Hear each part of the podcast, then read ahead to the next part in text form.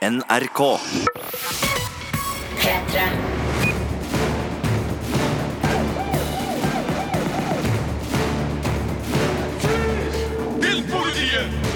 Hei og velkommen til denne podkasten til Filmpolitiet, hvor jeg, Sigurd, er alene i studio i dag. Og grunnen til det er rett og slett fordi det er filmfestival i Berlin. Og på Berlinalen så er det Birger Vestmo som er. Så vi skal selvfølgelig få inn Birger og få rapport fra starten på årets Berlinale. Men i tillegg til det så er overskriftene eh, konspirasjoner, superhelter og 90-tallsnostalgi i denne podkasten. Det er sånn at det har vært tre superheltfilmer i år som kommer på kino, som jeg har gleda meg spesielt til. Den ene er Aquaman, fordi Jason Eller Aquaman, beklager, jeg skal ikke dra det helt eh, norsk her.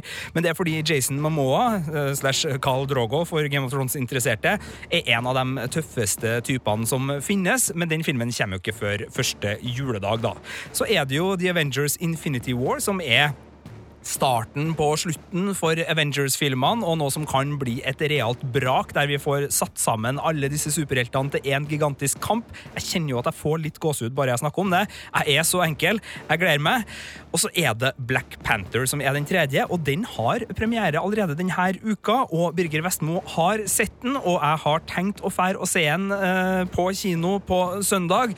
Så Black Panther er jo den store blockbuster-saken som ruller og går på kino denne uka, sammen med da Steven Spielbergs journalistdrama The Post, basert på virkelige hendelser, som også er en film som mange har gleda seg til, og som jeg har sett, og kan avsløre at jeg likte veldig godt.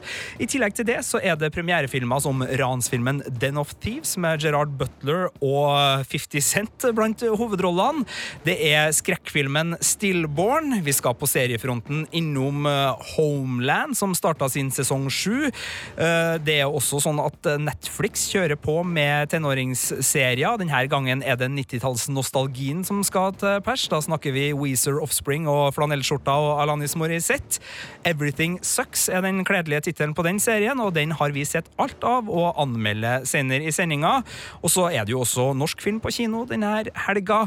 Los Bando er både i Berlin og på kinolerretet. Handler om et band som skal til NM i rock, og Birger Vestmo har anmeldt den. Så det er mye å glede seg til i denne podkasten fra Filmpolitiet.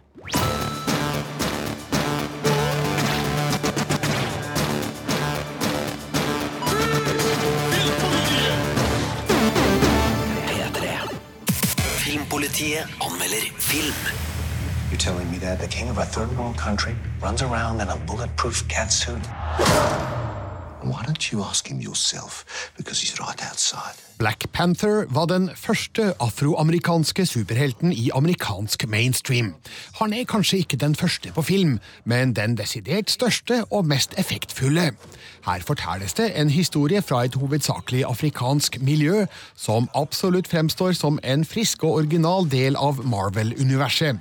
Den har òg en underliggende tematikk om diskriminering, undertrykkelse og skeiv distribusjon av velstand, som gir handlinga aktuelle trekk. Når det bryter ut actionscener med superkrefter, føles det litt business as usual, der man bombarderes av store, kraftige og litt uoversiktlige slag, basert på overmenneskelige kvaliteter og fysiske umuligheter. Regissør Ryan Coogler greier likevel så avgjort å skape en underholdende historie av det her, som er akkurat original nok til at Black Panther fortjener sin egen plass i den etter hvert så lange rekka av Marvel-filmer. Don't freeze. I never freeze.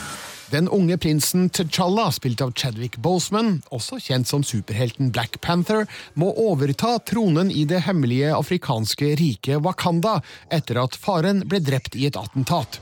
Kongeriket er fullt av et metall som har gjort dem teknologisk overlegne, og nå utfordres T'Challa av sin ukjente nevø Eric Killmonger, spilt av Michael B. Jordan, som vil bruke teknologien i kampen mot undertrykking av all svarte i verden, og samtidig hevne det som skjedde med hans far mange år tidligere. T'Challa går sammen med FBI-agenten Ross, spilt av Martin Freeman, og medlemmer fra den kongelige vaktstyrken i Wakanda for å forhindre at de blir dratt inn i en krig. Remote driving system activated. Wait! Which side of the road is it? For bus sake, just drive. Okay, calm down. Black Panther har sine beste øyeblikk i scenene der figurenes ulike motivasjoner kommer i konflikt med hverandre. Det er ikke de ytre actionscenene som er det mest spennende, men hvordan T'Challa velger å møte utfordringene, og hvordan det påvirker hans nærmeste. Ryan Coogler og Joe Robert Coles manus er også fritt for det meste av den smarte, frekke humoren som andre Marvel-filmer har nytt godt av, og det er faktisk et pluss, for den hadde ikke passa like godt inn her. Tematikken krever nemlig et visst alvor. Black Panther fremstår som et friskt pust i en sjanger som trenger stadig fornyelse for å overleve, og alt burde ligge til rette for at det her blir en ny suksess. I waited my entire life for this. Terningkast fem. P3. Filmpolitiet anmelder film. So, can I ask you a hypothetical question? Oh dear, I don't like hypothetical questions. Well, I don't think you're gonna like the real one either. Det svinger virkelig av Steven Spielbergs The Post. En engasjerende dramatisering av begivenhetene som førte til at The Washington Post valgte å trykke de hemmelighetsstempla Pentagon-papirene sommeren 1971. Meryl Streep og Tom Hanks er strålende i hovedrollene. Sarah Paulson og Bob Odenkirk leder an i et imponerende godt sammenskrudd birollegalleri, og komponiststjerna John Williams treffer avslutningstona perfekt. The Post er basert på hendelser som står som en bauta i amerikansk ytringsfrihetshistorie, og som et åpent og skamfullt sår for en rekke av USAs presidenter. Men i Steven Spielbergs regi har filmen også fått et feministisk driv og en dagsaktuell klangbunn som gjør den til mer enn bare en fengende historietime. The New York Times was barred from publishing any more classified documents dealing with the Vietnam War. Amerikanske presidenter hadde i ei årrekke leda det amerikanske folk bak lyset når det gjaldt krigen i Vietnam. Og en hemmelighetsstempla rapport bestilt av tidligere forsvarsminister Robert McNamara redegjorde for hva både befolkninga og Kongressen ikke hadde fått vite. En lekkasje til avisa The New York Times fører til at avisleserne får et glimt inn i rapporten, men Nixon-administrasjonen setter ned forbud mot å trykke opplysninger fra rapporten. Begrunnelsen var nasjonal sikkerhet, og The New York Times føyer seg. The Washington Post får etter hvert også tilgang til dokumentene. Redaktør Ben Bradley, spilt av Tom Hanks, er krystallklar på at papirene må publiseres. Og avisas eier, Kay Graham, spilt av Meryl Streep, må ta den vanskelige og potensielt straffbare avgjørelsen om å etterkomme domstolen eller stå hardt på ytringsfrihetens prinsipper.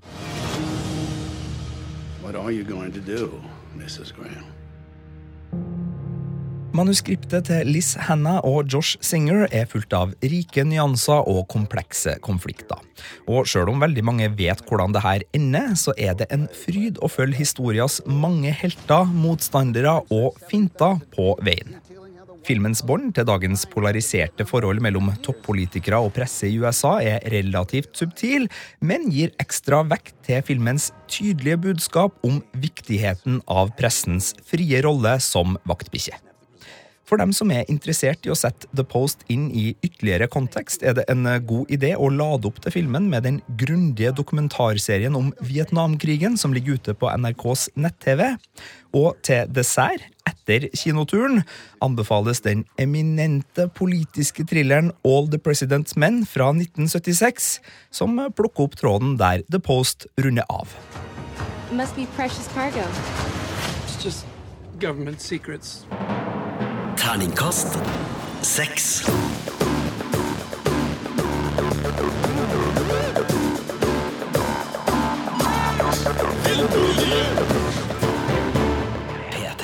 I går starta den internasjonale filmfestivalen i Berlin med åpningsfilmen Isle of Dogs av Wes Anderson. Eh, Berlinalen har vært arrangert siden 1951 og regnes som en av de virkelig store filmfestivalene. Eh, Kollega Birger Vestmo, du er i den tyske hovedstaden akkurat nå. og Hvordan var åpningsfilmen i, i går kveld? Du, den var slett ikke verst. Altså, De som kjenner Wes Anderson som filmskaper, vet jo at han lager morsomme, skrudde, surrealistiske filmer med en egenarta stil, og det har han gjort nå også, da. Isle of Dogs er en stop motion-animert eh, film lagt til et slags Japan, og det er en fabel om eh, hunder som er blitt forvist fra byen Megasaki til øya Trash Island, som rett og slett er en søppeløy. Og så handler det da om den lille gutten som kommer til Trash Island for å finne sin forsvunne hund der. Så det er eh, på mange måter en eh, veldig fin film om båndet mellom mennesker og hunder, men samtidig så er det politiske strømninger gjennom historien som handler om maktmisbruk, diskriminering og den oss og dem-holdninga som, som, gjennomsyrer vårt virkelige samfunn også. Så her har um, Wes Anderson uh, trykka på mange knapper, og han gjør det godt da, i en uh, usedvanlig nydelig stop motion-animert film. Da høres det ut som festivalen starta knallbra, men hva tror du blir andre høydepunkt under årets festival? Ja, altså For min del og mange andre norskes eh, del, så er det jo Utøya 22.07 som vi er veldig spent på. Den vises her på mandag, og er altså den første spillefilmen eh, som tar for seg Utøya-massakren. Eh, regissør Erik Poppe har jo sagt nå i forkant at filmen skal fokusere på ungdommene, men eh, figurene eh, vi møtte i filmen er jo da fiktive. Så den vet jeg at også mange utenlandske ser fram mot, eller gruer seg til alt ettersom. Et par andre filmer jeg har merka meg, er f.eks. Eva, der Isabel Huppert spiller hovedrollen. Hun er jo fransk films førstedame, og ja, det virker som hver filmfestival jeg er på, der Isabel Huppert har en film, eh, så blir det med en gang stor oppmerksomhet rundt det. Og Eva kan jo være en ny storfilm med Isabel Huppert i hovedrollen. Og så vil jeg bare nevne til slutt eh, 'Unsane', som er den nye filmen fra Steven Soderberg. Eh, og han skal etter sigende ha filma den med en iPhone. Og det kan jo bli morsomt å se resultatet av, da. I hvert fall så har han da med seg Claire Foy, kjent som dronning Elisabeth i, i The Crown, i hovedrollen, som ei kvinne som blir tvangsinnlagt på en mental institusjon, eh, der hun begynner å tvile på sin egen virkelighetsoppfatning. Så det er noen av filmene jeg mm, ser frem mot eh, de neste dagene. Eh, og så er det jo òg en norsk serie som vises her, nemlig de to første episodene av Hjemmebane med Ane Dahl Torp og Jon Carew. Og det kan jo bli spennende nok å se hva det har blitt til. Ja, Ane Dahl Torp snakker jo trøndersk i den serien, så jeg er jo ekstra spent på den biten. Så der vil jeg ha uh, rapport når du kommer tilbake. Uh, du nevnte filmen 'Utøya 22.07' av Erik Poppe, og den skal også vises i hovedkonkurransen. Uh, hvorfor er den valgt ut der, tror du? Eh, forhåpentligvis fordi det er en veldig god film, da. men jeg tror også at det her er en type film som passer veldig godt inn i denne festivalens eh, profil. For eh, jeg har sett ofte mens jeg har vært her at programmet er fylt av filmer som har en politisk agenda av et eller annet slag, eller som tar tempen på aktuelle temaer og, og i, i, samfunnet. Og Utøya-filmen handler jo selvfølgelig om terror og ekstremisme. og det er jo dessverre så aktuelt som det kan bli. Så det er nok eh, litt av årsaken til at eh, den ble valgt inn da, i hovedprogrammet, og, og kjempe om å vinne Gullbjørn. Hvilke andre norske bidrag bør vi merke oss? Vi har jo en eh, barne- og ungdomsfilm med i programmet som har premiere i dag, nemlig Los Bando. Eh, den norske filmen eh, som deltar da i programmet Generation K pluss. Vi har også, som nevnt, eh, Arild Andresens eh, hjemmebane, ja, som er en NRK-serie. Og så er Eili Harbo her. Hun kjenner vi jo fra Joakim Triers Thelma, bl.a. Hun, hun deltar i Shooting Star, som er et opplegg av en organisasjon som heter European Film Promotion.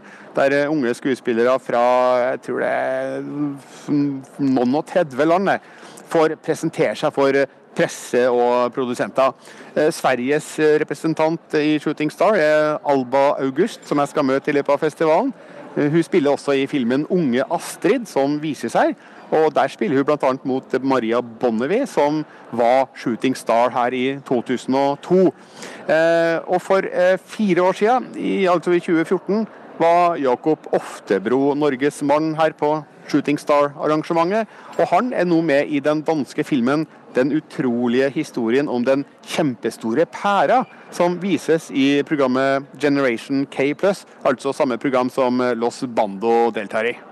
Eh, Det her, eh, Los Bando er da med i sideprogrammet for barne- og ungdomsfilm. som vi snakker om nå. Eh, Hvorfor er Berlinalen så viktig for barnefilm? Nei, du vet det, Sigurd, at Barnefilm har ikke så mange utstillingsvinduer på den eh, internasjonale arenaen. Eh, Berlinalen er en av Europas største og viktigste filmfestivaler. Så det er klart det gir en verdifull eksponering å, å få med en film på programmet her. Det kan sikre videre distribusjon i flere land, og det kan da til syvende og sist resultere i mer penger i, i, i sekken til, til neste prosjekt. Eh, Og eh, Los Bando kjemper da altså om krystallbjørn, som er det som deles ut da i eh, Generation K Plus-programmet. Og det som er litt morsomt her, er at juryen består av medlemmer i, i målgruppa. Det er elleve barn og sju tenåringer som skal bestemme hvem som vinner krystallbjørn. Og det, det er jo morsomt. Eh, Det, det er også en internasjonal jury i tillegg, som skal gi noen eh, andre priser i samme program. Og blant jurymedlemmene der finner vi andre Sanna Lenken. Svenske eh, dama som vant krystallbjørn i 2015 for min lille søster. Og så da kan vi jo bare krysse fingrene og håpe da at hun ser med litt ekstra blide øyne på det norske bidraget i det programmet, altså Los Bando. Det er jo mange filmfestivaler der ute. Man har eh, både i Frankrike og Italia osv. Og, så og som vi hører, det er flere norske bidrag i ulike kategorier. Men hvordan vil du si at Berlinfestivalen, altså selveste Berlinalen, eh, skiller seg fra de andre filmfestivalene? Ja, For det første så er det en gigantisk eh, publikumsfestival. I f.eks. Cannes må du være journalist eller eh, være eh, bransjerelatert for å få innpass. Det er noen tusen journalister her også, jeg tror det er nesten 4000. Men det bleikner jo mot det enorme antallet publikummere. Det selges nesten en Ja, i fjor ble det solgt nesten en halv million billetter i løpet av eh, festivalen. Og det på rundt ca. 400 filmer da, fordelt på de ulike programmene. Så det er kjempepopulært. Folk står i lange, lange køer her for å få billetter til ja, selv de minste filmene på programmet. Eh, og så er det eh, forholdsvis lite glamour og ikke så veldig kjendisbasert. Det er lite Hollywood her, og noen klager over at det er for lite av det. Men eh, det ser ut som at festivalen eh, foretrekker filmer fra andre verdenshjørner som eh, har kanskje en litt mer seriøs tematikk enn eh, det Hollywood eh, vanligvis stiller med av underholdning. Og så er Berlinalen et viktig møtested for filmbransjen, både når det gjelder distribusjonsavtaler av ferdigstilte filmer og finansiering av nye prosjekter. Og det foregår da i noe som heter European Film Market, som er et av verdens største, faktisk. Birger Vestmo på plass i Berlin, altså. På filmfestival. Jeg kjenner jeg er litt sjalu på deg nå, Birger. Ja, det er greit det, Sigurd. Og uh, mer sjalu skal du bli, for um, nå senere i dag så skal jeg på eksepsjonelt fasjonable og Porsche Hotell Adlon like ved Brandenburger Tor. Eh, Jeg sitter faktisk i nærheten av eh, der nå, eh, der jeg skal møte noen av stemmene i åpningsfilmen 'I Love Dogs. Og da skal jeg snakke med Bryan Cranston, Bill Murray og Jeff Goldblum, annet. Så det tror jeg kan bli morsomt og spennende, og det skal vi selvfølgelig komme tilbake til i Filmpolitiet når det nærmer seg premieren på Isle of Dogs, som er 9. mars. Åh, ta noen bilder fra meg, Birger. Det her, eh, det her er mye snadder. Du må ha riktig god filmfestival. Tusen takk, det skal jeg ha. Auf Wiedersehen.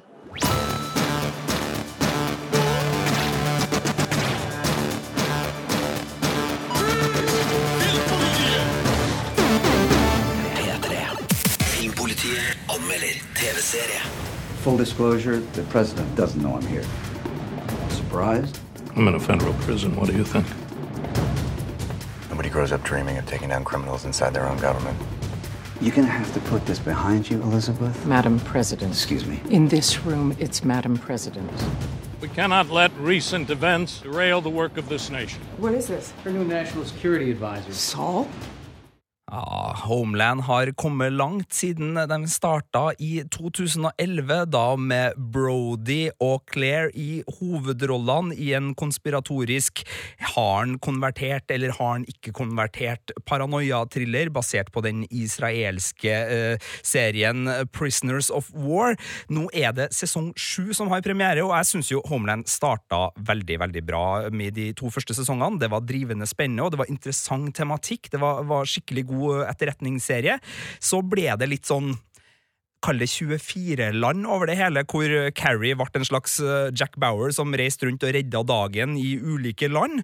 Så eh, ikke noe dårlig serie, men, men litt mer sånn nedpå grei terningkast fire frossenpizzaland der. Så tok det seg litt opp i, i fjor, syns jeg. Sesong seks tok det tilbake til USA etter å ha vært i Berlin en periode, og fikk i gang et ganske sånn eh, tettvevd konspiratorisk skyggeregjeringsspill, hvor en del av USAs etterretning eh, jobba mot egen president. Og sesong sju, jeg skal ikke spoile så mye her nå, eh, men den kaster oss rett inn i sluttspillet på sesong seks. Det er ikke noe tid imellom. Det er kult, fordi da vet vi eh, rollegalleriet ganske godt. Vi vet hva som står på spill, vi vet eh, hvem det er som er de ulike aktørene. Og så har det skjedd ting som gjør at vi på en måte setter opp sjakkbrettet på nytt og får i gang en ny greie. Carrie er igjen en tøff, handlekraftig eh, etterretningsdame som ikke har en oppdragsgiver, men som allikevel har et oppdrag. Saul Berenson, en av de seriefigurene som gir meg mest gjensynsglede på amerikansk TV, er tilbake med den rolige stemmen sin og klar for nye utspekulerte oppdrag.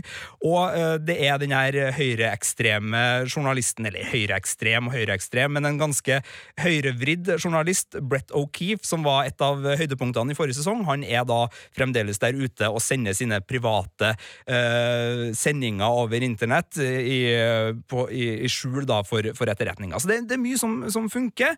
Og så er det jo sånn at det her er jo ikke verken nyskapende eller bygd for å gi veldig stor innsikt i amerikansk politikk og etterretningstjenester, men som eh, konspirasjonsunderholdning så, så syns jeg det funker veldig godt. Og det som er kult nå, det har blitt en god, gammel spionserie igjen. Altså Her snakker vi parkbytter, her snakker vi mørke parkeringskjellere, korktavler med hemmelige beskjeder, osv., osv. Og jeg syns Homeland funker veldig godt i det litt sånn 70-tallsaktige landskapet. Det er kult. Og så er det også sånn at jeg er litt glad fordi at en av de store emosjonelle trådene som var i Carries privatliv, eh, ble avslutta i forrige sesong.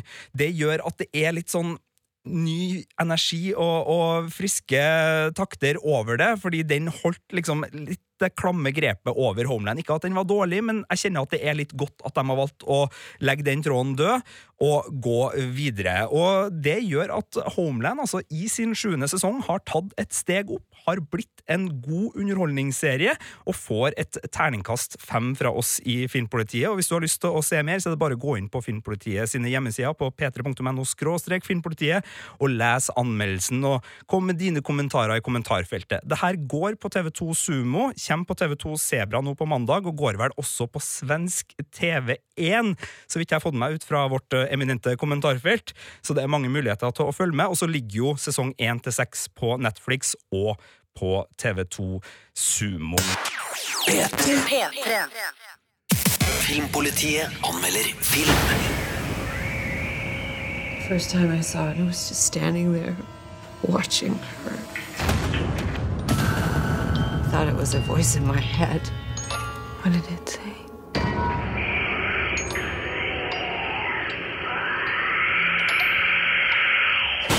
Grøss og gru. Ja, hvis du vil bli skremt eh, med en premierefilm på kino i helga, så er det Stillborn som er det ferskeste alternativet. Det her er en effektiv amerikansk babyskrekkfilm med uh, det som kan sies å være skremmende dårlig dialog. Altså, det er mye som funker i Stillborn. Det spilles hardt på småbarnforeldrenes fryktregister ved at det er en tvillingfødsel der det ene barnet dør under fødselen. Eh, familien flytter hjem med sitt eh, gjenlevende barn, og så begynner merkelige ting å skje, både med huset og på babymonitorer og litt forskjellig sånn. Og som skremmefilm så er det her en helt sånn uh, gyselig god rufsete sak som bruker spesielt lydsida da, til å bare Bø! Eh, Så, så den biten er grei. Men så er det sånn at det er et eh, par her som skal liksom sørge for å gi oss historier rundt. De skal være det her foreldreparet. Det er Christy Burke og Jess Moss som spiller henholdsvis Mary og Jack, og de har et eh, sånn parforhold som har dialog som kunne ha vært henta fra en pornofilm, nesten. Det er, det er så dårlig. Det er sånn her Jeg må på jobb. Må du på jobb? Ja, jeg må på jobben for å tjene penger. Ja. Det er den type dialog vi har her, og det gjør at eh, filmens nerve og min innlevelse i det hele blir veldig sånn start og stopp. Altså, jeg eh, er så enkel å skremme at jeg blir med når filmen roper bø. Da, da jo. Eh, Men imellom så er det ikke noe som får meg til å investere veldig mye i rollegalleriet, eller bry meg veldig mye hva som skjer med Mary her. Eh, Det er eh, en film som virkelig eh, tar tak i en eh, trussel som er interessant. Altså den der foreldreskrekken som er gjenkjennelig med er det mor som er i ferd med å bli gal, eller er det faktisk et monster i huset? Den dualiteten klarer filmen å holde på. Så det er mye som funker her for skrekkfans, altså folk som bare liker den sjangeren veldig, veldig, veldig godt, og som også syns at de litt dårlige skrekkfilmene er kule. Men til og med det tatt i betraktning, så er det her en film som ikke kommer seg over terningkast tre på terningen, altså, dessverre. Men herlighet, skrekkfilm med terningkast tre, det er mange som er glad i det. P3. Los Bando er en ny norsk film om et ungt band som prøver å komme seg til NM i rock, og Birger Vestmo har sett den kinofilmen. Filmpolitiet anmelder film.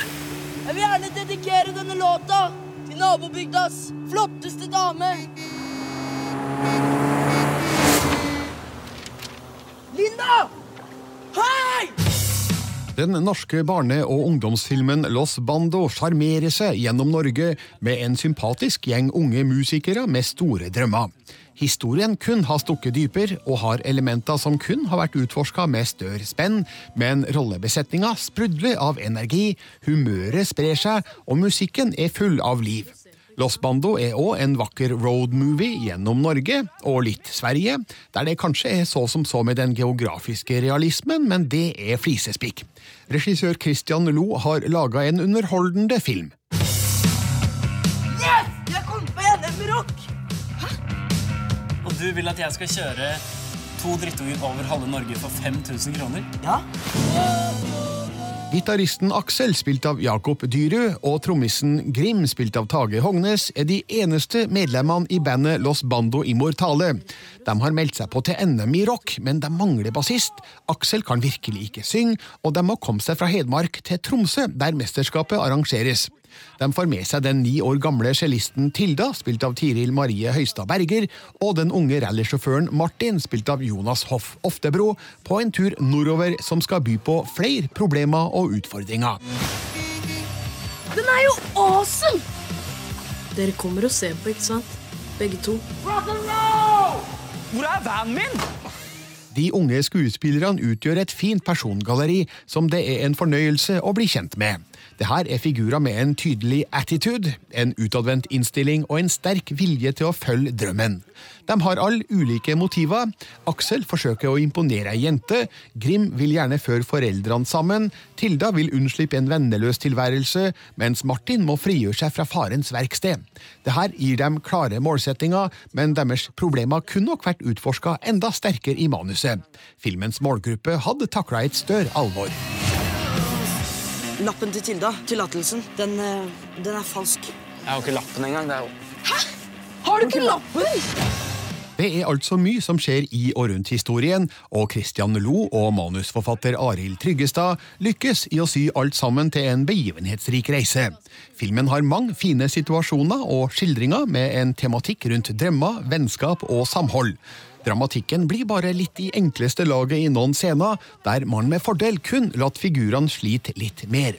Hovedpersonenes smittende humør, historiefortellingas friskhet og det faktum at det her er originalskrevet, gjør likevel at Los Bando er en god film med evnen til å glede og more et ungt publikum. Her er de, Los Bandos immortale! Og rocken er Hold dere fast. Terningkast fire. P3. Filmpolitiet anmelder film. You know who this is? It's a decoy. Dealing with a different animal here, boys. Let's go, let's go!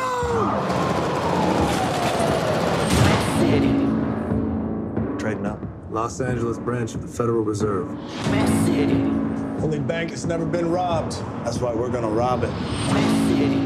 Gangbangers, these are not the National Bank Hollywood job. Laguna Niguel. We nail these guys, we solve all these cases. This is the crew. Det er ganske mye testosteron på ferde når uh, Gerard Butler og Curtis Day James Jackson III, aka 50 Cent, og Pablo Schreiber og O'Shay Jackson jr. barker sammen i Los Angeles. Det er en uh, ransfilm som virkelig kommer til å få mange fans, samtidig som det er en ransfilm som er litt stor og dum. Uh, Den of Thieves tar utgangspunkt i at Los Angeles er en by der det er bankran rimelig ofte, og så spiller vi opp en liten sånn katt og mus-lek mellom en mestertyv som heter Merryman, som spilles da av uh, Schreiber, og en uh, sheriff uh, i LA med gjengen sin, som spilles av uh, Gerard Butler. Og imellom disse to så, så er det da et uh, rollegalleri som er litt sånn hver sin gjeng. Altså Bankranergjengen er vel hakket mer sympatisk enn politigjengen her, fordi politigjengen er litt sånn Hvis dere husker TV-serien The Shield, hvor uh, Vic Mackey var uh, en slem politimann, så er vel uh, Butler sin Nick O'Brien en litt sånn lignende type. Altså Han tar litt kokain, han er utro mot kona si, han banker opp folk uten å gjøre så veldig mye mer, og sier bare sånn æh, jeg er politi, jeg, hva skulle du gjøre da? Hæ? Hæ? Så, så det er, er stilen, og det her er en ganske harry film. Samtidig så ligger det en ganske sånn kul eh, mestertyvhistorie inni her en plass, og spesielt den eh, ja, kall den unge, lovende sønnen til Ice eh, Cube da, eh, fungerer veldig godt. Altså O'Shay Jackson jr. han spilte far sin i den eminente Straight Out of Compton i 2015, og han fortsetter å imponere. Altså. Og han spiller da en bartender slash fluktbilsjåfør, som er liksom bandens svakeste ledd, og som politiet finner som hakkekylling. Og ut fra den rollen og ut fra hans vinkler så åpner denne filmen seg opp både med, med hjerne og hjertevarme.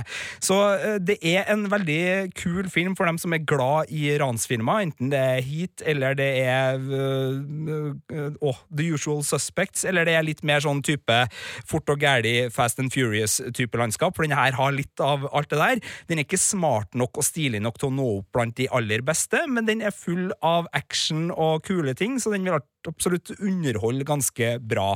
Eh, kvinnerollene er uh, skammelig dårlig skrevet, og måten Gerard Butler spiller den her usympatiske politimannen på, gir meg veldig lite. Altså, han, han, han blir som en slags utdatert Mel Gibson, der han får å ralle rundt mellom politiklisjeene. Men hvis man er ute etter den store popkornfilmen uh, i actionland denne helga, så er Den of Thieves en helt kurant sak, og den får et realt godt terningkast fire her av Filmpolitiet. P3. Filmpolitiet anmelder TV-serie. Guys, in high school now, we gotta find our people. But in my Bangkok, We might as well start with something we actually know, right? That's AV Club. I bet once they see one of our movies, the ladies will come flocking. I promise you, there isn't a single female behind those doors. Ja da, 80-tallet har herja på både kinofronten og, og, seriefronten i siste, spesielt da med Stranger Things og It, kanskje, som tar for seg da eh, unge skuespillere, sånn eh, både tenåringer og, og, litt før tenåringer, og gir dem masse nostalgi å herje med. Og eh, Netflix er på'n igjen. Everything Sucks heter serien, har premiere i dag. Alle ti episodene, som er sånne små halvtimesepisoder, ligger ute ute på Flix nå, og nå er det da USA og 1996 som er stemninga og greia vi går etter. Det her er en komiserie blanda med en tenåringsdramaserie som vil være litt 13 Reasons Why, eh, veldig mye Stranger Things, og også litt Freaks and Geeks, for dem som har sett den serien, som er Judd Apatow sin nydelige 80-talls dramaserie med skuespillere som Seth, eh, Seth Rogen og Jason Segel osv. Så, videre, og så, videre. så den har store forbilder, Everything Sucks, eh, og så har den en del som funker veldig bra, og så har den noen utfordringer. Vi kan bare sette premisset først. Den starter som en litt sånn parodisk komiserie som tar tak i både high school-klisjeer og 90-tallsklisjeer som Beavis and Butthead og flanellskjorte og Alanis Morissette, og kjører det i blenderen og gir oss litt sånn slackerhumor med et hyggelig rollegalleri, hvor vi følger hovedpersonen Luke, som starter sammen med nerdevennene sine på high school og tenker ok, nå skal vi virkelig få det til, eh, men hvor er det likesinna folk? Jo, de er i videoredigeringsklubben, eller The AV Club, så vi starter der. Og derfra ut så er det jo selvfølgelig både bøller og kule venner og alt det her som spiller på klisjeer, men som lar oss få en ganske sånn lun og hyggelig komiserie så begynner det å skje ting utover i episodene som tar det her til å bli en mer sår dramaserie, hvor alle de tingene som kan få en tenårings verden til å rakne totalt, enten det er eh, seksualitet, eller det er sorg, eller hva det nå skal være, sånne ting begynner å mates inn. Da blir det en bedre serie, men det gjør også at det blir en ujevn serie som spriker litt i flere retninger, som har noen øyeblikk som virkelig kommer til å feste seg, og som kommer til å gjøre at noen elsker den serien her omtrent overalt på jord.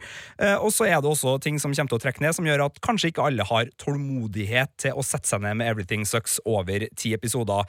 Det som i hvert fall er positivt, er at uh, den blir bedre og bedre og slutter på en cliffhanger, så det er ikke noe som er bestemt enda, men jeg håper jo litt da at det her kan bli en sesong to, uh, fordi uh, den viser veldig tegn på å ha noen barnesykdommer som den rister av seg underveis. Når det gjelder 90-tallsnostalgien, så klarer aldri den å bli mer enn en fasade. Altså Her har du alt fra Offspring og Weezer til Ace of Base til uh, tregt internett til catchphraser som All That in a Bag of Chips. Bare, de har, det virker som de har googla uh, populært i 1996 og så bare dytta det inn i manus. Så det, det, der er det ikke. Den, den har ikke den samme 80-tallssvungen som f.eks. Stranger Things har. Men det er en underholdende serie, og hvis du har sansen for lettbeinte tenåringsdramaserier, så har Everything Sucks en god del å by på. Men um, sånn terningsmessig så er det såpass mye rufs her at det blir en Terningkast fire. P3. Det var det vi hadde i denne podkasten fra Filmpolitiet. Det er bare å sjekke ut de skriftlige anmeldelsene på p3.no filmpolitiet. Og der har vi også kommentarfelt, og spesielt uh, The Post og Black Panther har trigga en del til å bli med i kommentarfeltene der. Det syns jo vi er kjempeartig, så det er bare å hive seg med, lese anmeldelsene og si de hjertens mening der. Og så er det jo sånn at vi også tar imot ris og ros til oss i Filmpolitiet, enten det er filmpolitiet alfakrøll nrk.no no du slenger det inn til, eller der du hører denne podkasten. Ha ei riktig god film- og serie- og spillhelg fra oss i Filmpolitiet.